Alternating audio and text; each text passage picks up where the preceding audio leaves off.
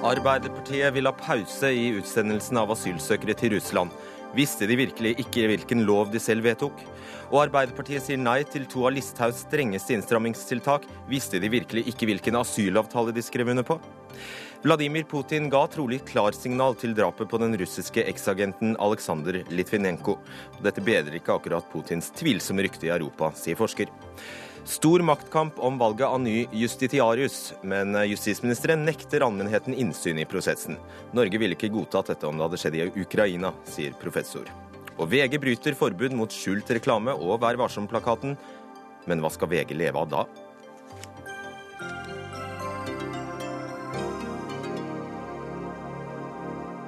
Dette og mer til i Dagsnytt 18. Mitt navn er Fredrik Solvang.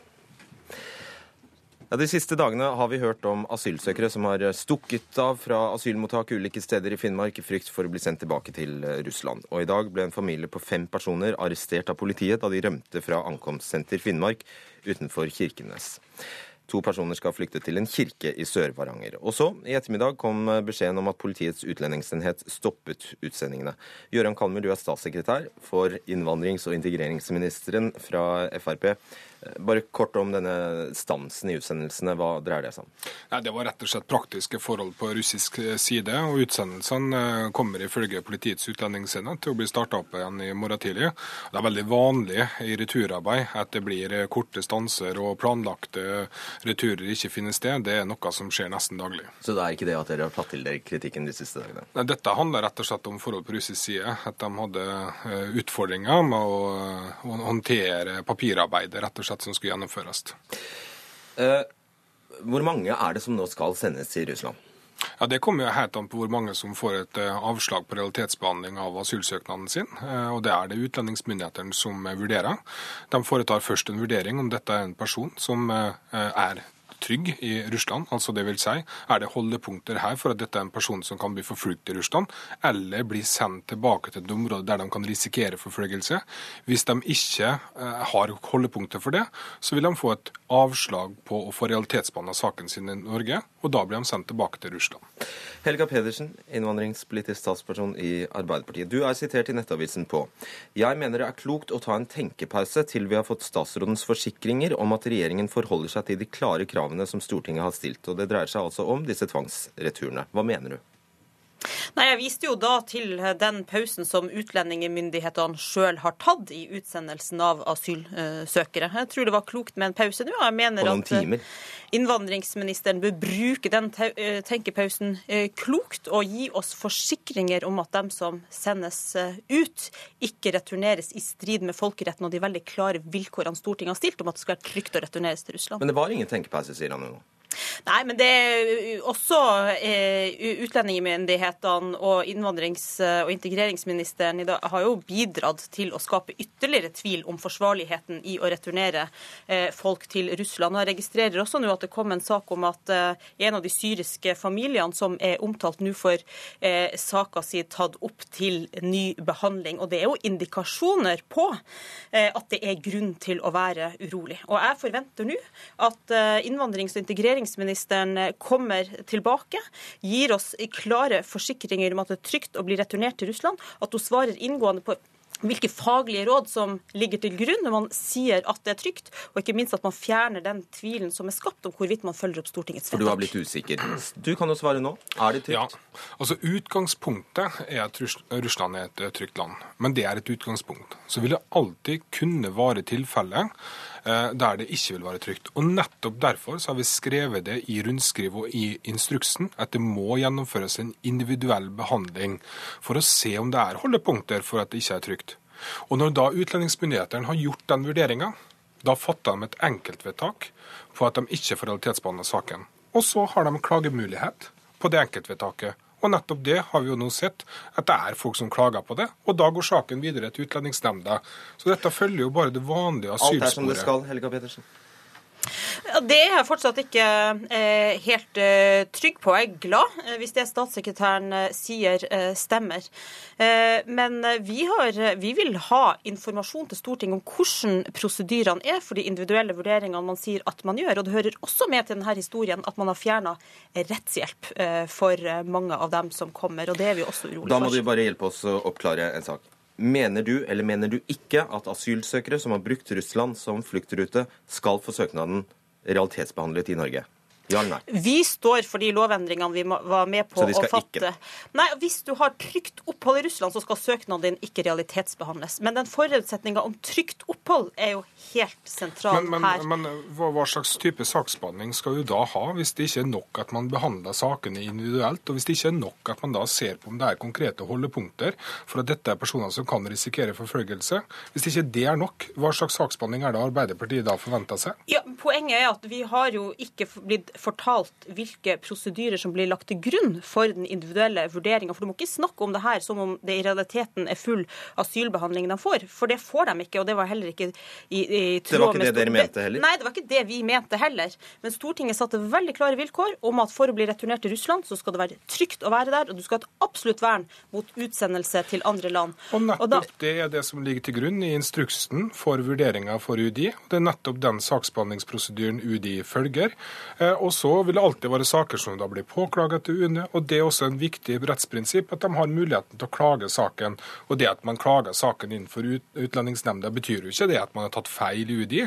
Det er en rett til å kunne klage på saken. Det håper jeg Arbeiderpartiet fortsatt er enig i. Samtidig som eh, rettshjelpa er svekka.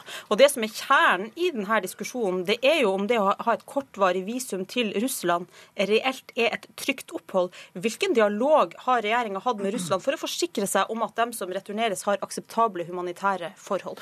En annen kjerne i denne saken er jo at dere satt i stortingssalen og vedtok denne loven. Mm. Arbeiderpartiet stemte sammen med regjeringen for denne loven og dermed denne instruksen.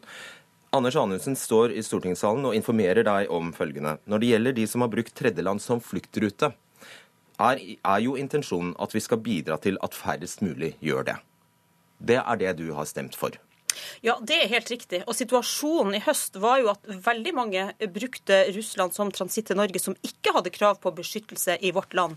Men det er jo også en realitet eh, at, eh, det, altså at det ikke bare er mennesker som søker en bedre tilværelse i Norge fordi at Norge er et veldig bra land å være i, som har kommet. Her kommer det jo også folk fra Syria.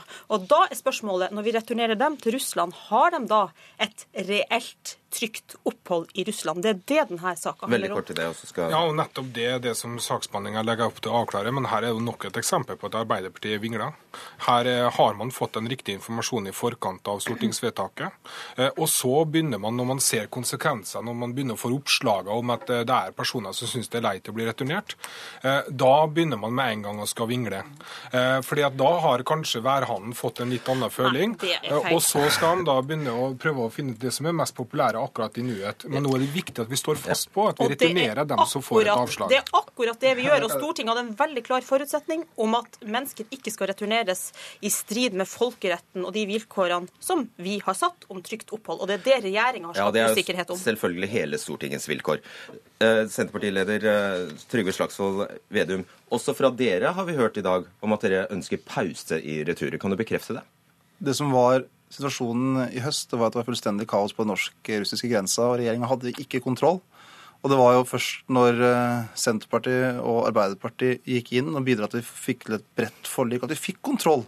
At vi klarte å få ja, kontroll på grensa. Med det, men ønsker ja, dere pause eller ikke? Altså, og det vi også har sagt, Da ga vi en hjemmel til regjeringa at man kunne eh, returnere folk til Russland. Men det må skje på skikkelig vis. Vi må ha en ansvarlig politikk. Det fikk vi til i høst, men det var også anstendig politikk. Kan du svare på spørsmålet? Ønsker ja, og... dere pause eller ikke? De som kan returneres på trygt vis, eh, og regjeringa kan forsikre om det, ønsker vi selvfølgelig skal returneres. Men vi er opptatt av at man skal sikre at ingen returneres som eh, kan utsettes for umenneskelig behandling, og som ikke har trygt opphold i Russland. Men, men hjemmelen altså, din nestleder Anne Beate Tinnereim er sitert i Klassekampen i dag på at hun ønsker pause i returene til Russland. Kan du bekrefte at Senterpartiet ønsker det? Men du må huske som journalist at du må lese hele saken. Eh, og Hvis du har lest hele saken, så er engasjementet i den saken at vi må være sikre på at ingen blir returnert som ikke har trygt opphold i Russland. Og det er poenget i den saken. Og der er det regjeringas ansvar nå å sørge for at det blir ikke returnert folk som ikke har trygt opphold, eller som må utsettes for umenneskelig behandling. Og den Punkt nummer én i asylforliket i høst var jo nettopp at vi må forholde oss til norsk lov og internasjonal lov. Men alle partier på Stortinget, utenom SV og MDG, var enige om at vi kunne begynne å returnere til Russland, og at vi måtte få kontroll på grensa mellom Norge og Russland. Jeg syns jeg stilte et så enkelt spørsmål. Ja, men jeg men det er det. greit. Men så Overskriften ofte ofte veldig du, men det her er veldig komplekst. Så det handler om mennesker, og vi må, ta, og vi må være anstendige og skikkelige, og det må gjøres ordentlige vurderinger. Så Arbeiderpartiet sier, etter å ha tenkt seg om, nei til to punkter i regjeringens innstrammingstiltak i asylpolitikken. Partiet er imot å øke botidskravet for å få permanent opphold eller varig opphold fra tre til fem år. Og partiet er imot kravet til familiegjenforening, at de skal skjerpes. Eh, Arbeiderpartiet-nestleder eh, Trond Giske var raskt ute og støttet hovedlinjene i regjeringens innstramminger i asylpolitikken. Men så kom romjula, og nå har altså partiet konkludert med at dere ikke vil støtte alt, eh, ifølge VG Helga Pedersen forklarer. Ja, Trond Giske har aldri sagt at vi kommer til å støtte alt, eller at vi har gitt en Her var det mye blanko bra, sa han, fullmakt til regjeringa. ja. Mange av punktene som regjeringa har eh, lagt frem, kommer vi til å støtte. Men Trond Giske var også veldig tydelig på at vi skal gå gjennom forslagene, og så skal vi komme tilbake til hva som bør endres på. Og Det som er avgjørende for oss, det er jo selvfølgelig at vi skal ha en streng og rettferdig innvandringspolitikk, kontroll med hvem som kommer inn i landet, eh, raskt avslag og utsendelse til dem som ikke har krav på beskyttelse hos oss. Men det er også mange av dem som kommer, ikke minst mange av dem som kom i fjor, som skal bli. Og da må vi ha en politikk som fremmer og ikke hemmer integrering. Og vi mener at de to tiltakene hemmer integreringa. Og da, Gøran Kalmur, lar du deg overraske? Frustrere? Hva gjør? Hva? Nei, vi har blitt vant nå med vinglinger fra Arbeiderpartiet. Når Trond Giske kommenterte det først, så sa han at dette er en videreføring av Arbeiderpartiets politikk, og at regjeringa her nå var pålagt å gjennomføre og komme med disse tiltakene. Og så er han plutselig noe imot og mener at det her nå er altfor strengt. Men faktum er at de har bedt om innstramminger i familiegjenforening. Det har Stortinget bedt om. Og hva slags type innstramminger kan man da ellers gjøre hvis man ikke skal gjøre med å stille mer krav til eh, nettopp for, eh, vilkår for å få familiegjenforening? For det er slik at det er La oss ta det, ikke ta det andre. Ja. Ja. Hva? Altså, Ja, for eksempel så ligger det også forslag der om familiegjenforening kan skje i trygt tredjeland hvis eh, familien har tilknytning der. Mm. Det er et uproblematisk forslag for oss. Men eh, forslaget fra regjeringa har det for, for det første lite innvandringsregulerende effekt. Det er jo også noe som eh, UDI-direktøren har eh, pekt på, at dette tvert imot kan føre til økt tilstrømming av asylsøkere. Dessuten er det jo ikke sånn at man med det her fjerner eh, forslaget til, eller fjerner retten til familiegjenforening, heldigvis, men man utsetter det med fire år. Og i mellomtida skal altså det sitte personer i Norge, vi forventer at de skal lære seg norsk, komme seg ut i arbeid osv., mens de sannsynligvis vil bruke den tida på å bekymre seg for sin familie. Men alt du sier nå høres fornuftig ut, men du har altså skrevet under i asylforliket på følgende. Stortinget ber regjeringen fremme et lovforslag om å stramme inn retten til familieinnvandring for asylsøkere og flyktninger. Hva forventer du da av regjeringen? Ja, vi mener at det å eh, stille krav til fire års arbeid og utdanning eh, er et helt urimelig krav, som dessuten ikke har innvandringsregulerende effekt. Hva Man må skulle de da ha fall- gjort? Ja, eksempel så kommer det også forslag fra regjeringa om eh, eh, familiegjenforening i trygt tredjeland. Det er jo et eksempel på et tiltak som vi kan slutte oss til. Og her kan sikkert også være andre ting som vi kan eh, diskutere. Eh, men, og, og jeg mener det er en viktig avveining hvordan vårt regelverk er avstemt med våre naboland, for det har innvandringsregulerende effekt. Men verken Sverige eller Danmark er i nærheten av det her. Jeg gruer meg til å stille deg et nytt spørsmål, Trygve Slagsvold Vedum. Fordi eh, nå, det er ganske likelydende. Hva kommer dere til å stemme for og imot her? Kommer dere til å si ja eller nei til dette forslaget, f.eks. om eh, skjerpede krav til familieinnvandring? Ja, men eh, bare i spørsmålet ditt, vet du. Det er det som er så, Noen ganger så elsker vi det her enkle svarene i radiostudio. Men når det gjelder familieinnvandring, så har vi to typer begrep ved familieetablering. Altså du skal etablere en ny familie. Eller du skal bli gjenforent med din gamle familie. Og klart det er mye mer dramatisk og gjør det vanskeligere å bli gjenforent med din gamle kona di og barna dine. Så Derfor så må vi jo se på de hørings... Altså Når regjeringa har sendt det på høring, så mener vi jo oppriktig at vi må lese de høringsforslagene først. Det er jo en grunn for at vi alle partier Ja, har troa på familien. Hun har jo rukket å lese det. Har Jo, Vi har også lest det, og vi uttalte oss skeptisk til det forslaget i romjula. Nettopp til det forslaget. Vi syntes det var å gå langt. Og vi uttalte oss også skeptisk til det forslaget om å øke kravet til oppholdstid, som KrF og Venstre har signert på i en tidligere asylavtale mellom regjeringen og KrF og Venstre. Men så sa vi også at vi skal lese høringssvarene. For vi må jo sette oss inn i det. Dere må jo snu kappa etter vinden. Nei, det handler ikke om det. Det handler om å være ansvarlig. Det handler om enkeltindivider, det handler om familier, det handler om folk. Og vi har sagt vi var et eh, arkitekt for en innstramming, Ja. men selvfølgelig så må vi jo se alle motforestillinger før vi trekker endelige konklusjoner. For det her er ikke et Så det enkle svaret er at du vet ikke ennå. Det, vi har gitt uttrykk for en skepsis til forslaget. Men vi må sette oss inn i det, og vi må ikke gjøre det som et spill. altså Lister som snakker om gullstol, godhetsironi, alt sånt. Ja. Da blir det spill. Men det handler om folk, og da må vi være ansvarlige og anstendig. Det handler om ansvarlighet. Vi må huske på det. Det kom 30 000 asylsøkere til Norge i 2015. Nesten 80% av dem var enslige menn som kom til Norge. Veldig mange av dem kommer til å få familiegjenforening, for at de ønsker å få familien sin til Norge. Så det vi kan regne med, er at når det kommer 30 000, så kanskje det kommer 20 000 ekstra. Hvis det kommer tre- 33 000 i år, så kommer det kanskje 20 000 ekstra.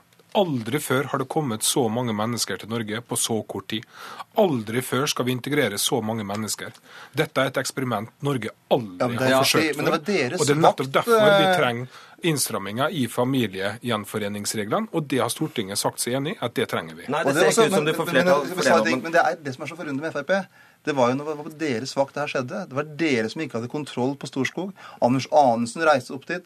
Rekte ut at vi kan ikke gjøre noen ting. Dere gjorde ingenting. Så kom Stortinget inn eh, og fikk styring på det her. For det var et spillerleda mellom KrF, Venstre og Høyre Frp.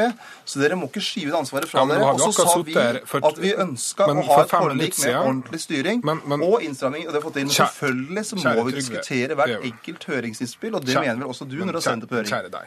Det er ikke mer enn fem minutter siden vi satt her og diskuterte eh, om eh, at eh, grunnen for at dere gikk med på regjeringens forslag om å stramme inn på reglene om Storskog. Så du har jo sjøl erkjent at det var regjeringens forslag som ble fremmet i Stortinget, det var regjeringens forslag som ble vedtatt, og det var regjeringens forslag som førte til at det ble stopp vi på Storskog. etterspurte Stopp. handling over tid, og det skjedde ikke handling, og etter hvert skjedde noe. Det Og nå andre- skjer det handling, og da begynner man å lure på om man skal vi Det andre forslaget dere da, Arbeiderpartiet har sagt nei til i dag, det er altså å skjerpe eller øke botidskravet fra tre for å få permanent opphold fra tre til fem år. Og da må jeg minne deg om at du har igjen skrevet under på Stortinget ber regjeringen fremme et lovforslag om nye midlertidige beskyttelsesformer der oppholdstid ikke danner, grunnlag for permanent oppholdstillatelse.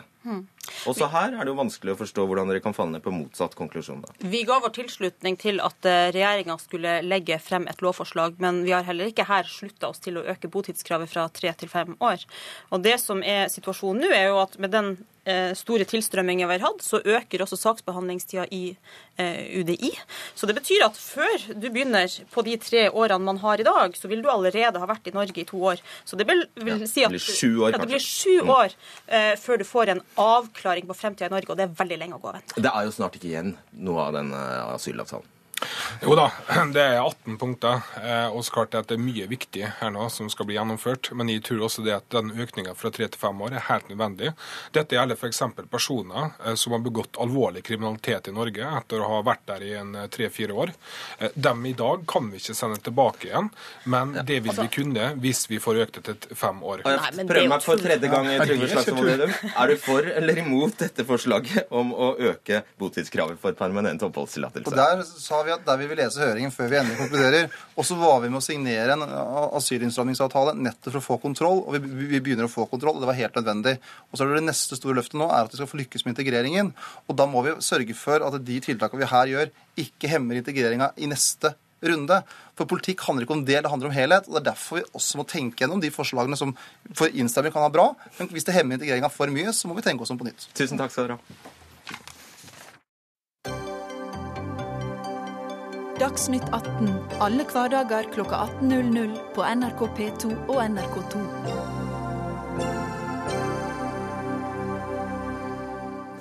Russlands president Vladimir Putin ga trolig klarsignal til drapet på den russiske eksagenten Aleksandr Litvinenko, konkluderer en britisk undersøkelsesrapport. Den tidligere KGB-agenten og Putin-kritikeren Litvinenko døde i London i 2006 etter å ha blitt forgiftet av et radioaktivt stoff. Og Det er kommet sterke reaksjoner fra britiske myndigheter etter at rapporten ble kjent. Espen Aas, korrespondent i Storbritannia, du er med oss nå fra utenfor Millennium Hotel, der Litvinenko ble forgiftet for over ni år siden. Har vi fått eh, endelig svar nå? Vel, det er dessverre ett ord som skiller oss mellom sannhet og det som har vært gjettet her. Eh, fordi eh, vi ikke eh, har fått den endelige bekreftelsen. Det er ingen som har sett noen signatur, om du vil, fra Vladimir Putin selv. Derimot så sier man at det trolig kom fra ham. Og Det begrunnes med at dette må ha vært orkestrert fra den russiske sikkerhetstjenesten FSB. Og det ble altså brukt et, en gift som de ikke kunne ha fått tak i uten å ha fått en godkjennelse på det fra høyeste hold. Og båndene mellom FSB og Vladimir Putin er, som vi vet, ganske tette. Eh, så hvordan har eh, Jeg sa, innledningsvis her at det har kommet eh, sterke reaksjoner fra britiske myndigheter. Hvordan har de artet seg? det? Vel, Det spørs hvordan du definerer sterke reaksjoner. Et av poengene her er jo at de må trå litt forsiktig. Russland er jo ikke hvilken som helst aktør. Dette er jo langt på vei en påstand om organisert statsterrorisme. Eh, Litvinenko var jo på det tidspunktet han døde, britisk statsborger. Han var en eh, russisk avhopper, en tidligere russisk eh, agent, som så blir drept her i denne byen, på et hotell rett bak meg, av russiske agenter som hadde med seg da dette plutoniumet, som tok livet av ham, slik det ser ut da, ved å drikke en te som var forgiftet. Dette er jo, hvis det stemmer, så aldeles eh, drøyt. Altså, hvor, hvor detaljert er beskrivelsen i denne rapporten av hva som faktisk skjedde? Den er så detaljert som den kan få blitt, eh, fordi man har klart å spore eh, denne giften eh, flere steder i London. London er jo en av de byene i verden med flest overvåkingskameraer, så det finnes mange beviser som knytter de to tidligere KGB-agentene til dette stedet, til flyplassen og til Litvinenko selv. Eh, det man selvfølgelig, som jeg sa innledningsvis, ikke har klart eh, å, knytte helt konkret, er jo eh, Vladimir Putin selv. Men det er så mange indisier på veien her at det vil jo fremstå som noe pussig om de helt tilfeldigvis var på akkurat de samme stedene hvor det ble funnet spor av dette radioaktive stoffet. For øvrig et av de samme stedene som også Alkandre Litvinenko var, som jo vi jo vet senere døde bare noen uker etterpå. Er ja, er det satt endelig punktum nå? Det er neppe det. Altså I dag så har britiske myndigheter kalt inn uh, russiske ambassadøren på teppet, sagt fra at de anser dette som uh, uakseptabelt. Men Litvinenkos enke og hans sønn, som i dag har snakket for aller første gang, de blir jo ikke ferdig med dette. De mener jo at uh, britene her må uh, bryte så mange bånd som de bare kan med russerne. Nå har for så vidt britene stengt av finansene til disse to hovedmistenkte tidligere KGB-agentene. Som jeg sa, så har ambassadøren vært kalt inn på teppet. Og de har jo fordømt dette så langt de kan. Men hva skjer så? Litvinenko eh, er og blir død. Han har vært død i godt over ni år. Ingen bringer ham tilbake i live. Og de allerede iskalde eh, relasjonene som er mellom Storbritannia og Russland, de blir i hvert fall ikke varmere med de første, uansett hva som ellers måtte skje på den eh, internasjonale arenaen. Mm. Takk skal du ha, Espen Aas. Julie Wilhelmsen, forsker i Norsk utenrikspolitisk institutt. Ja, kan det være sånn at det sitter en kjeltring i Krem? Uh, ja, det, uh, det, kan det være.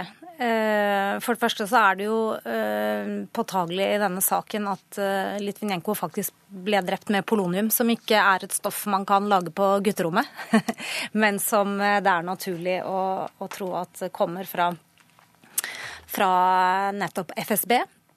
Eh, den russiske etterretningstjenesten. Den russiske etterretningstjenesten.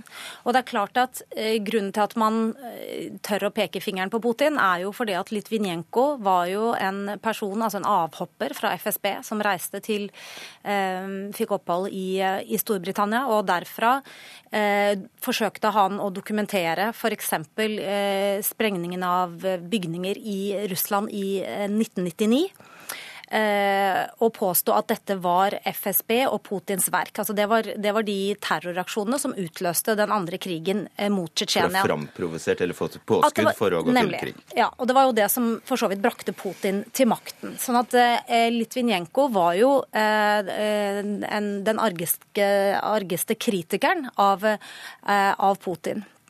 Eh, Og vi vet jo at Putin ikke er en mann som Han tåler ikke illojalitet. og han, han skyr ingen midler for å, for å oppnå sine mål. Sånn at De to tingene sammen gjør jo at man tør, tenker jeg, i denne rapporten å peke på Putin. Eh, når det er sagt, så ville jeg vært veldig forsiktig med å eh, Jeg vil aldri kunne trekke den konklusjonen. Eh, og jeg, jeg, tror ikke egentlig de har dokumentert det helt, eh, helt sikkert i, i, den rapporten. Men allikevel så, så blir jo eh, statslederen sittende med et, eh, et enormt ansvar. For enten det er slik at han ga et signal til at dere kan kvitte vi må kvitte oss med Litvinenko. Eller han har, som han jo ofte gjør, eh, snakket på en måte og operert på en måte eh, i Russland som gir et slags signal nedover i systemet om at det er tillatt å ta dine fiender av dage, og at sikkerhetstjenesten har handlet på egen hånd i, i den situasjonen. I begge de to situasjonene så er han ansvarlig, på en måte. Får det noen følger for det? Ehm, jeg tror at når det gjelder eh, altså det publikum man forholder seg til i, i, i, Vesten, så har det egentlig per i dag bare den følgen at, at, at det bekrefter de veldig negative forestillingene man har om, eh, om Russland generelt, og spesielt om, om president eh, Vladimir Putin. Mm.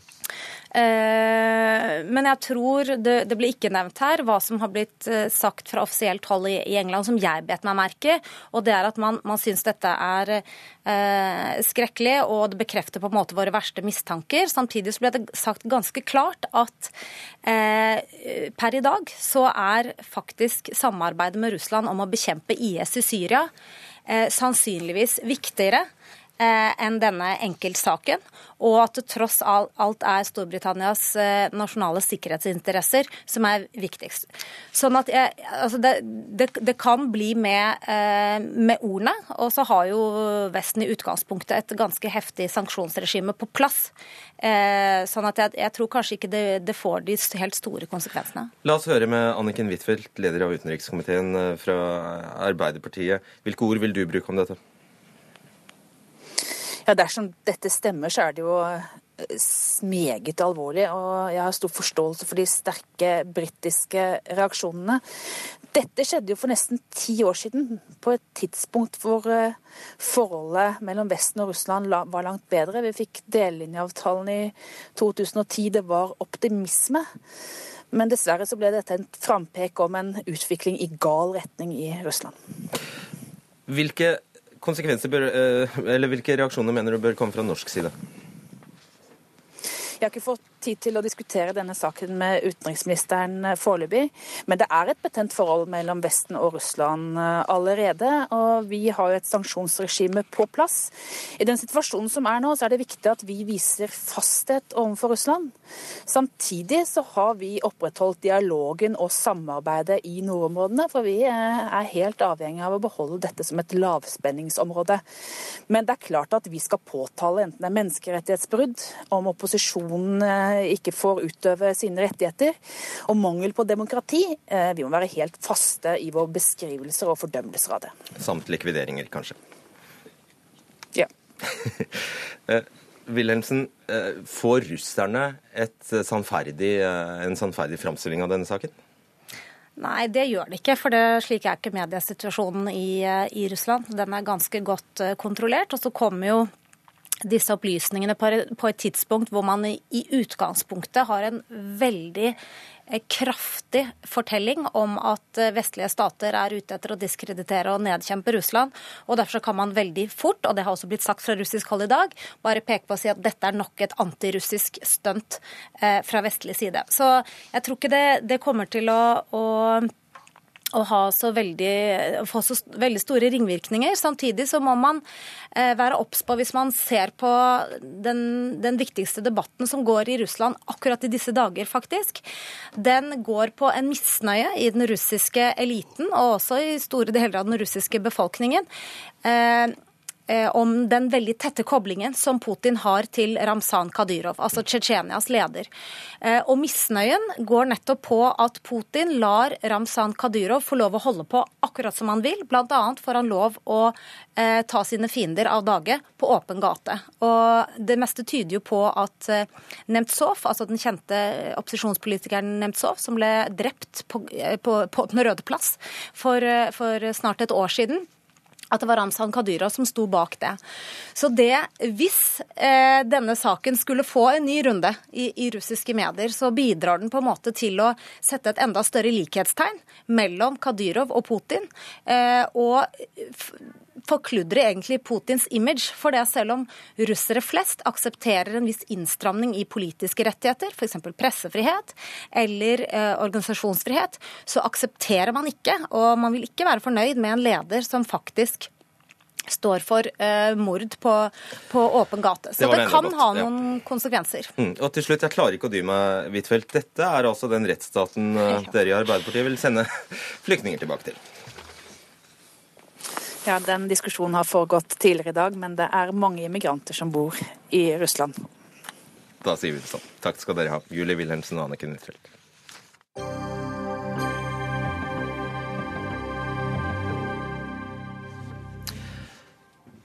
Hvorfor nektes allmennheten innsyn i ansettelsesprosessen rundt landets fjerde mektigste posisjon etter kongen, stortingspresidenten og statsministeren? For når vår nye høyesterettsjustitiarius skal utnevnes i slutten av februar, vil dette vurderes i en lukket prosess av ukjente instanser og etter lovregler som faktisk ikke fins. Jørn Øyrehagen Sunde, du er professor i rettshistorie ved Det juridiske fakultet ved Universitetet i Bergen. Du skrev en eh, kronikk i eh, Klassekampen hvor du kritiserer Anders Anundsen, justisministeren vår, for å være eh, lite åpen rundt utnevnelsen av ny justitiarius. Hva er det som er så problematisk? La det først være sagt at Anundsen er jo omtrent like åpen som han har vært tidligere. Men det som er problematisk, er jo at Høyesterett i dag utøver veldig mye mer samfunnsmakt enn det tidligere har blitt gjort. og Dermed så må en òg ha mer åpenhet. Det Anundsen har gjort som er prisverdig, er at han har sett ned et råd som skulle rådgi han ved utnevnelsen av en ny justitiarius. Men rapporten de har skrevet, den får vi ikke innsyn i. Og Der har han jo tatt opp kontroversielle spørsmål, så vidt jeg kan forstå, som bl.a. søkerne sine rettspolitiske eh, vurderinger. Altså i hvor stor grad f.eks. vil de utfordre norsk lov til fordel for eh, internasjonale norske forpliktelser. Og Den eh, rapporten burde en hatt innsyn i for å kunne påvirke den prosessen som ellers helt sikkert blir påvirka, men påvirka av krefter i regjeringa sin krets eller i Justisdepartementet som vi ikke kjenner til. Så prøver vi oss på litt eh, klarspråk. Er din mistanke eller frykt at eh, Anders Anundsen vil velge en kandidat som utfordrer Stortinget mindre, f.eks.? Nei, min frykt er at vi ikke vil vite det. Men akkurat hva som vil skje, det vet jeg ikke. Anders Anundsen, justisminister for Frp. Hva er ditt svar til dette her? For det første så syns jeg artikkelen til Sundi i dag er ganske god og ganske reflektert. Og den viser jo også at vi som regjering står friere i utnevnelsen av høyesterettsjustitiarius enn det vi gjør i andre typer utnevnelser. Og så kan man mene hva man vil om det, det er en annen diskusjon. Men eh, jeg tar avstand ifra at dette er en lukka prosess. Vi har en offentlig søkeliste, vi har offentliggjort eh, brevet som er utgangspunktet for det arbeidet som rådgivningsgruppa skal gjøre. Eh, og vi kommer eh, til å konsultere både eh, sittende høyesterettsjustitiarius og Stortingets presidentskap. Så dette er en prosess som er for det første mye mer grundig. Det var vel ingenting der som gjorde at jeg ville få vite noe mer om den prosessen? Nei, men poenget er det at en må involvere de som kan ha relevante syn på hvordan Høyesterett skal være i fremtiden. Og så, når det gjelder denne rapporten, så er jeg veldig glad for at Sunde er fornøyd med at vi satte ned denne rådgivningsgruppa. Og det handler jo om å gjøre ting på en måte som gjør at vi har en notoritet i ting i måten vi betyr det? Altså at vi kan et, for ettertiden sjekke hva som har vært grunnlaget for det som er gjort. Eh, men det er en rapport som inneholder karakteristikker og vurderinger fra referanser fra andre Eh, som overhodet ikke kan offentliggjøres på noen som helst slags måte. Og, det, det... og, og, og jeg syns det er litt underlig at diskusjonen blir liksom for eller imot offentliggjøring av den rapporten.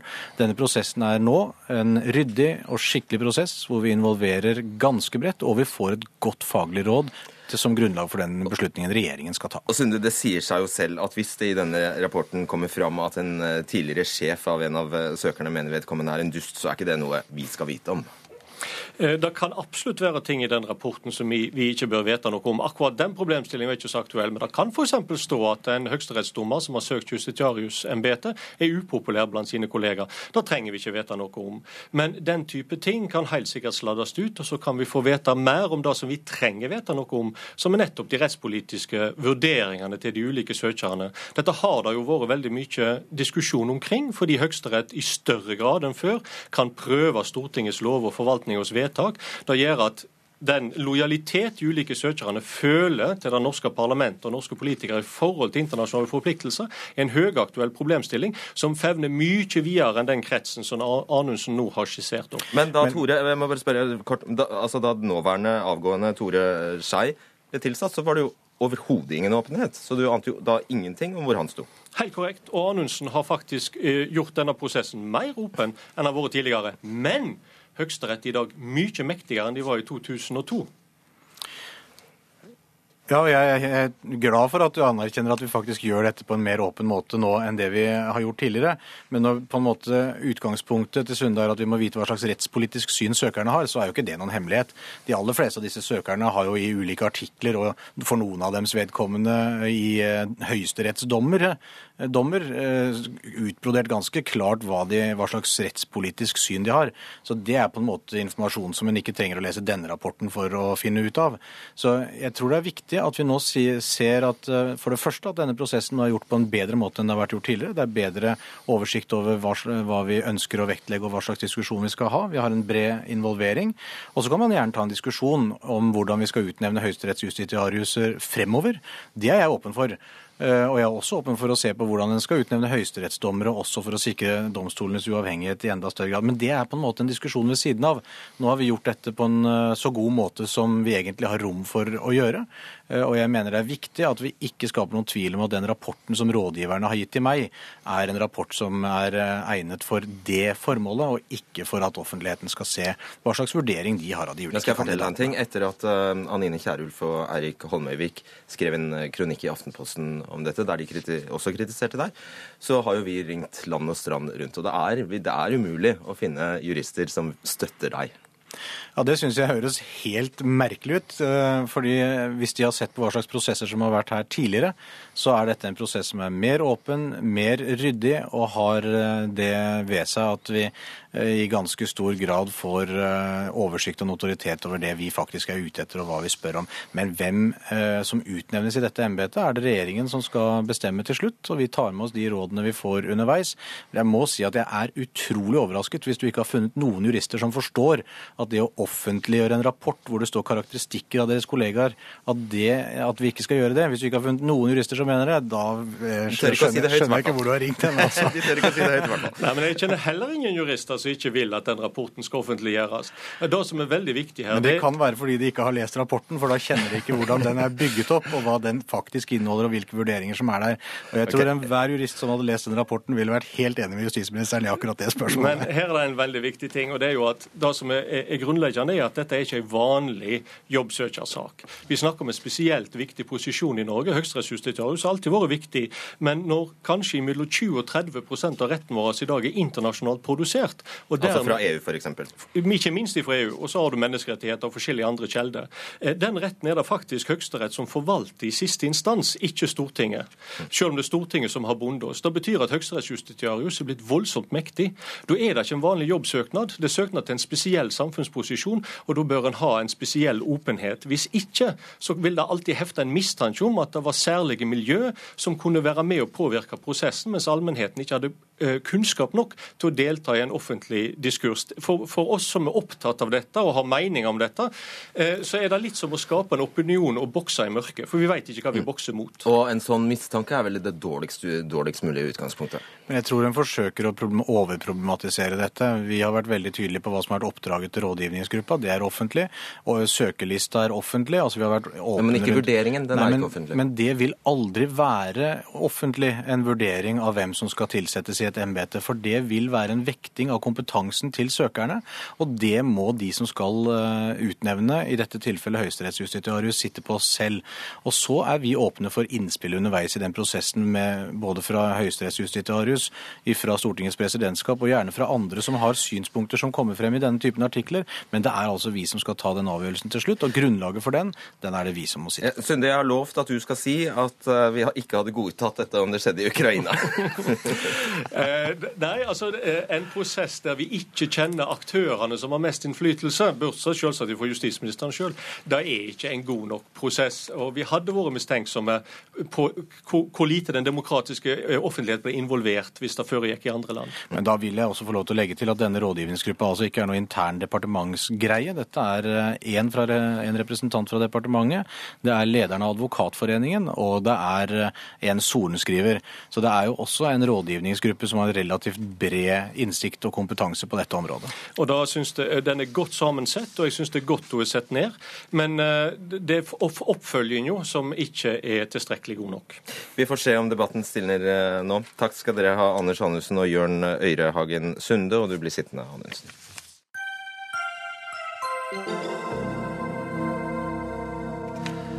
For, for to uker siden ba forsvarer Olav Sylte om nye undersøkelser av hår fra det uløste drapet på Tina Jørgensen i 2000. Og Nå viser det seg at politiet i Stavanger har kastet hårene. Hårene kom fra Tina og var funnet i bagasjerommet på en bil som var aktuell under Tina-saken, skriver VG i dag. Olav Sylte, du er advokat i advokatfirmaet Sylte, og du representerer en av de siktede i denne saken. Eh, hvordan reagerer du på at politiet har kastet eh, bevis? Det er overraskende. Politiet skal jo sikre bevis i straffesaker. De skal ikke holde på å kaste bevis. Og jeg tenker Det er spesielt viktig å vente med å kaste bevis til saka er oppklart. I dette tilfellet her så har jo politiet kasta beviser før saka er oppklart. Og Det spesielle er at det har de gjort fordi at det, det er en forskrift, en politiforskrift, og heter politiregistreringsforskrifta. Den sier altså som hovedregel skal politiet kaste bevis før saka er oppklart. Forutsatt da at det, det, er foretatt en bestemt analyse som vi kaller DNA. Mm. Ja, Så da har de bare fulgt retningslinjene? da? Ja, retningslinjene er særdeles eh, lite hensiktsmessige med det for øye å oppklare straffesaker. Forskrifta forutsetter at biologiske bevis bare kan analyseres med hensyn til DNA. Og så glemmer en fullstendig, eller har glemt fullstendig, at eh, biologisk materiale kan undersøkes med hensyn til en rekke andre omstendigheter, f.eks. resttoksiologisk undersøkelse, der kan få profiler. Dette har vært kjent for politiet i ti år. Det overrasker meg at ingen i, i politivesenet som også består av forskere, har sett at det er mulig å analysere f.eks. hårstrå med hensyn til andre ting enn DNA. Og dette er et stort problem eller, i Politi-Norge? Det er et stort problem, eh, fordi at dette kan dreie seg om eh, svært alvorlige straffesaker. Og Det er min vurdering at det er én sak uoppklart, en alvorlig straffesak, sånn som f.eks. denne Tina-saka er, innebærer et stort problem for, et, for en rettsstat. Jeg tror vi er eneste land i verden som har en hovedregel som sier at du skal kaste bevis før straffesaka er oppklart. Anders Anundsen, fremdeles justisminister. Det høres jo helt målboakt ut? Ja, jeg kan ikke kommentere den konkrete saken, selvfølgelig, men jeg kan si noe om hvordan jeg oppfatter rammeverket, og jeg deler i stor grad eh, advokatens syn på det. Det er eh, viktig at vi ikke kaster bevis som kan brukes, og ikke minst nå som vi har eh, fjerna foreldelsesfristen for drap og alvorlige seksuelle overgrep, f.eks. Satt ned cold case-gruppa, og forutsetningen for at de skal kunne gjøre en jobb, er jo at de har tilgang til bevis. Derfor satte jeg allerede i høst i gang et arbeid hvor vi både fant frem tidligere rapporter om dette, og har satt i gang samarbeid med riksadvokat og politidirektør for å se hvordan vi kan gjøre dette på en skikkelig måte fremover. For det er ingen tvil om at det å kaste bevis i uoppklarte saker skaper store utfordringer for Forstår jeg deg rett, Sylta, at det er en forskriftsendring som må til her? Det er en veldig enkel endring som skal til. Det er politiregistreringsforskrifta paragraf 45-18 som sier i en setning at politiet skal destruere så snart DNA-profil er foretatt. Den er bare å slette. Det skal heller skrives om og skrives at en skal ikke destruere enten han har foretatt DNA-analyse eller andre undersøkelser. Trenger ikke noe utredning for dette her. Nei da, det, men det er, problemstillingen er nok litt mer kompleks uh, i det store bildet, fordi dette skal rent faktisk oppbevares. En skal ha et system som sikrer nødvendig registrering. og Der er vi faktisk for dårlige i dag. Og Det er derfor det er nødvendig for oss å ha en skikkelig gjennomgang av det. Men vi skal selvfølgelig se på forskriften uh, veldig fort uh, og se om, det er noe vi, om vi kan gjøre noe med rammevilkårene der. Men det er også viktig, og dette, dette har egentlig vært en diskusjon over ganske lang tid. Vi fant frem i departementet to rapporter fra 2008 som Politidirektoratet skrev, mm. og som da har blitt liggende i en eller annen dyp skuff. Nå blir de rapportene tatt opp.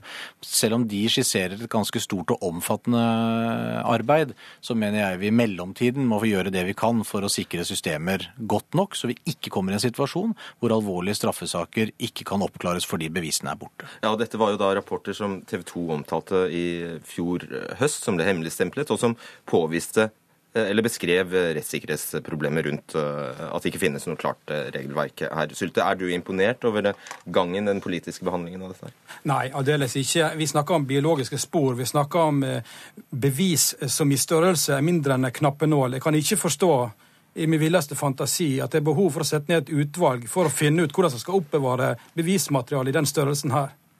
Bare for å være tydelig på det, Jeg har ikke tenkt å sette ned noe utvalg, men vi er faktisk nødt til å samarbeide med Riksadvokaten og Politidirektoratet om hvordan vi skal løse dette i praksis.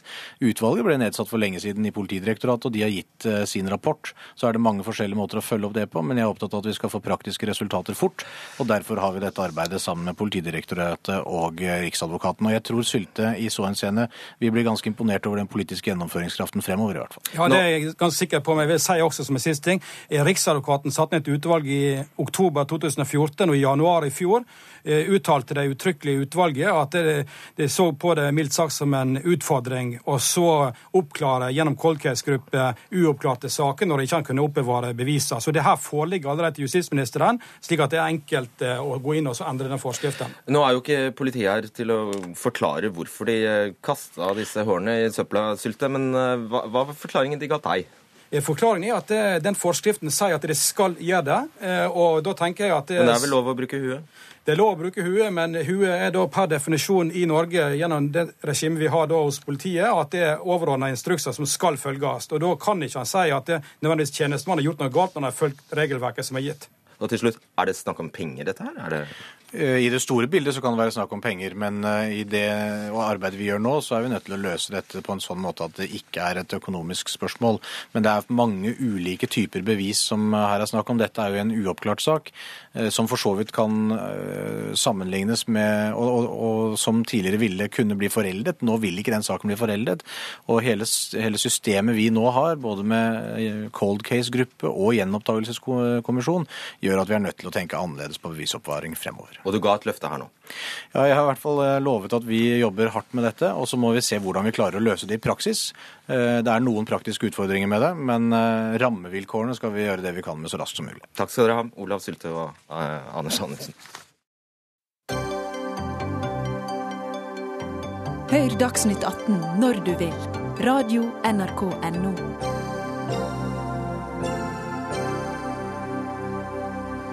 Nå om presseetikk, eller brudd på god presseskikk, for Pressens faglige utvalg mener VG har brutt Vær varsom-plakaten med sitt samarbeid med Rema 1000 om det de kaller VG familieliv. Og Forbrukerombudet mener VG har brutt markedsføringsloven og drevet skjult reklame med for dårlig skille mellom journalistikk og reklame.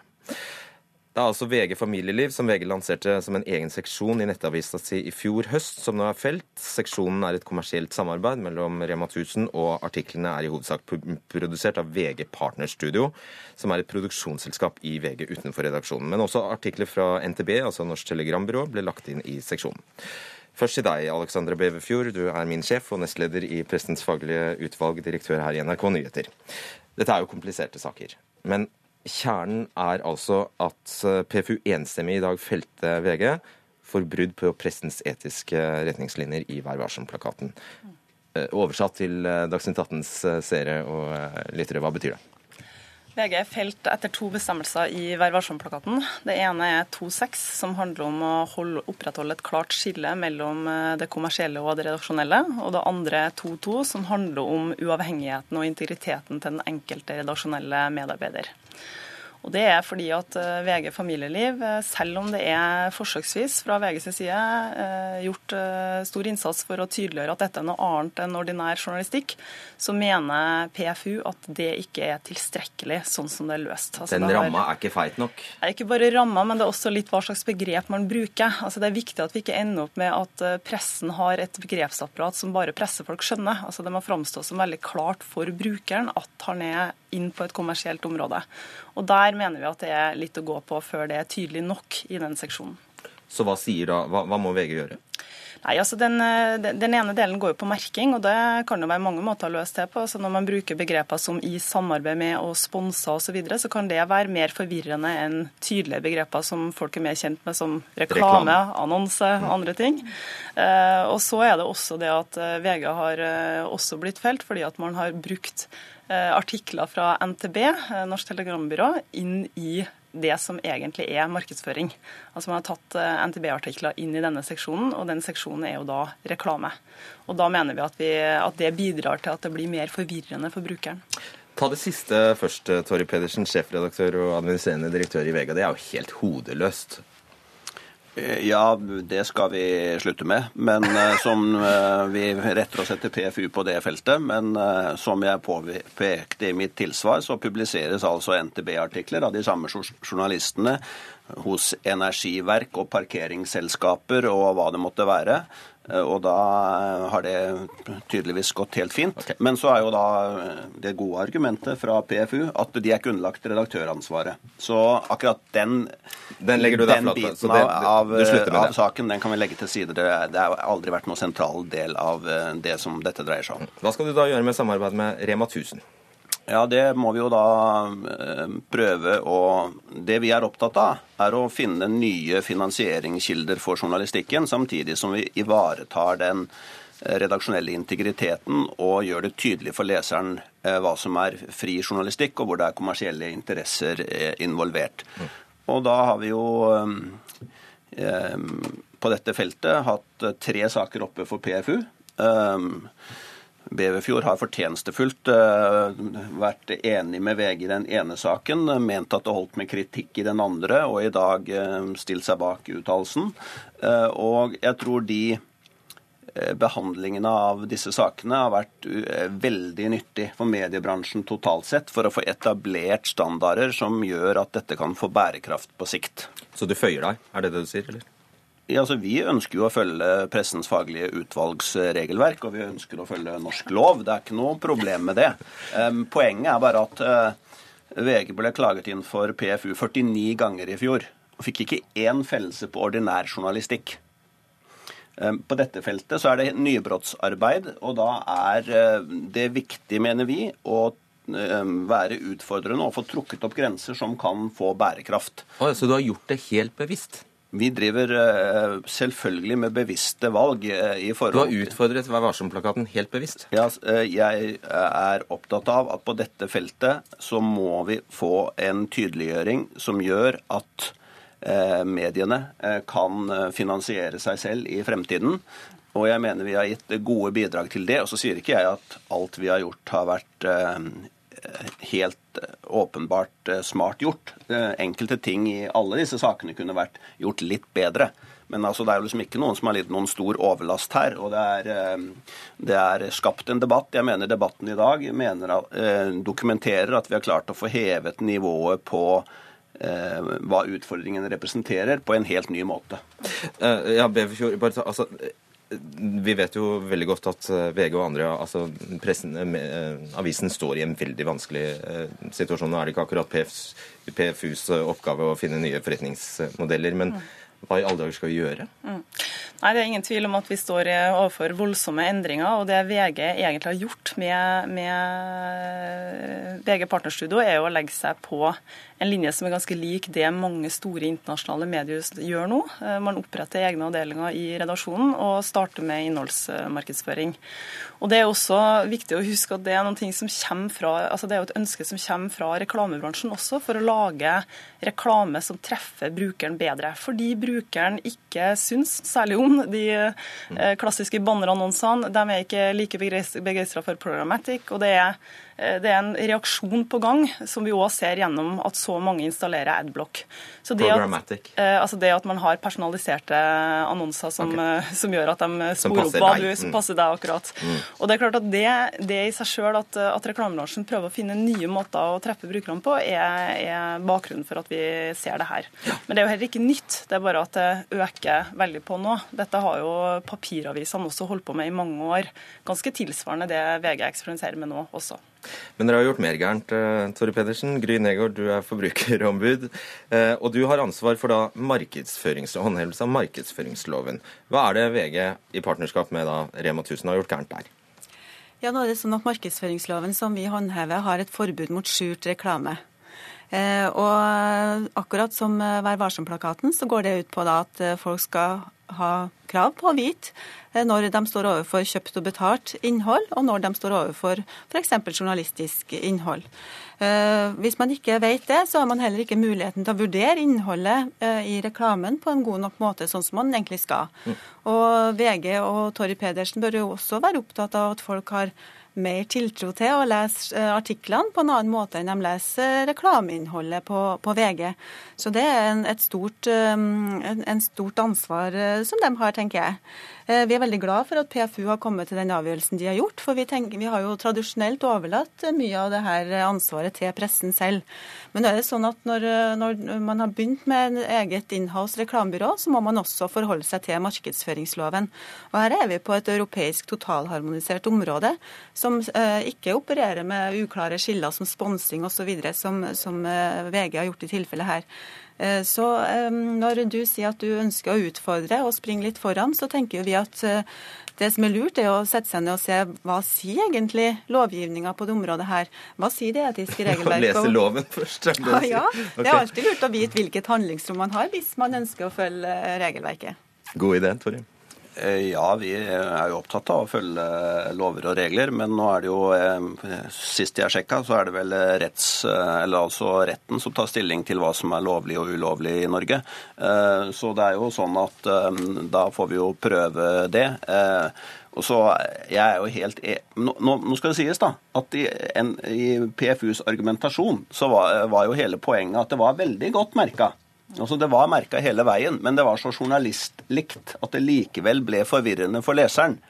Eh, så her har vi jo Det er jo to forskjellige ting. ikke sant? Her har vi jo en utfordring, Både, ikke sant? Markedsføringsloven og mitt oppdrag er jo å ta vare på leseren. Ja, ja. Det, og det er ikke nok at journalistene forstår det, det må jo være sånn at leserne forstår det. Og det er det PFU har sagt i dag, og som var veldig gledelig, at man må faktisk se hva leserne oppfatter. Det er ikke nok hva du mener, det er hva leserne oppfatter. Det er helt og riktig, men så er det jo verken sånn at du eller jeg har fasiten på hva leseren oppfatter, da. Eh, nei, eh, nå, men nå skal i hvert fall jeg representere dem. Men når du sier at, du, uh, sier at det er retten som tolker det, så kan jo vi godt bringe en sak inn for, for både Markedsrådet og domstolen.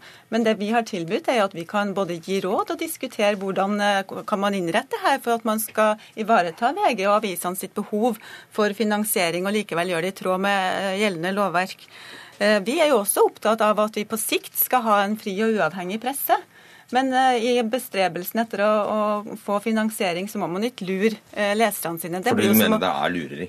Ja, man blir jo det. Hvis man, okay. uh, hvis man, ikke merker det tydelig nok, så blir man lurt. Og det blir jo mer som å tisse i buksa for å holde varmen hvis man mister leserne sine underveis. Ikke, ikke uenig i det. Problemstillingen er som følger.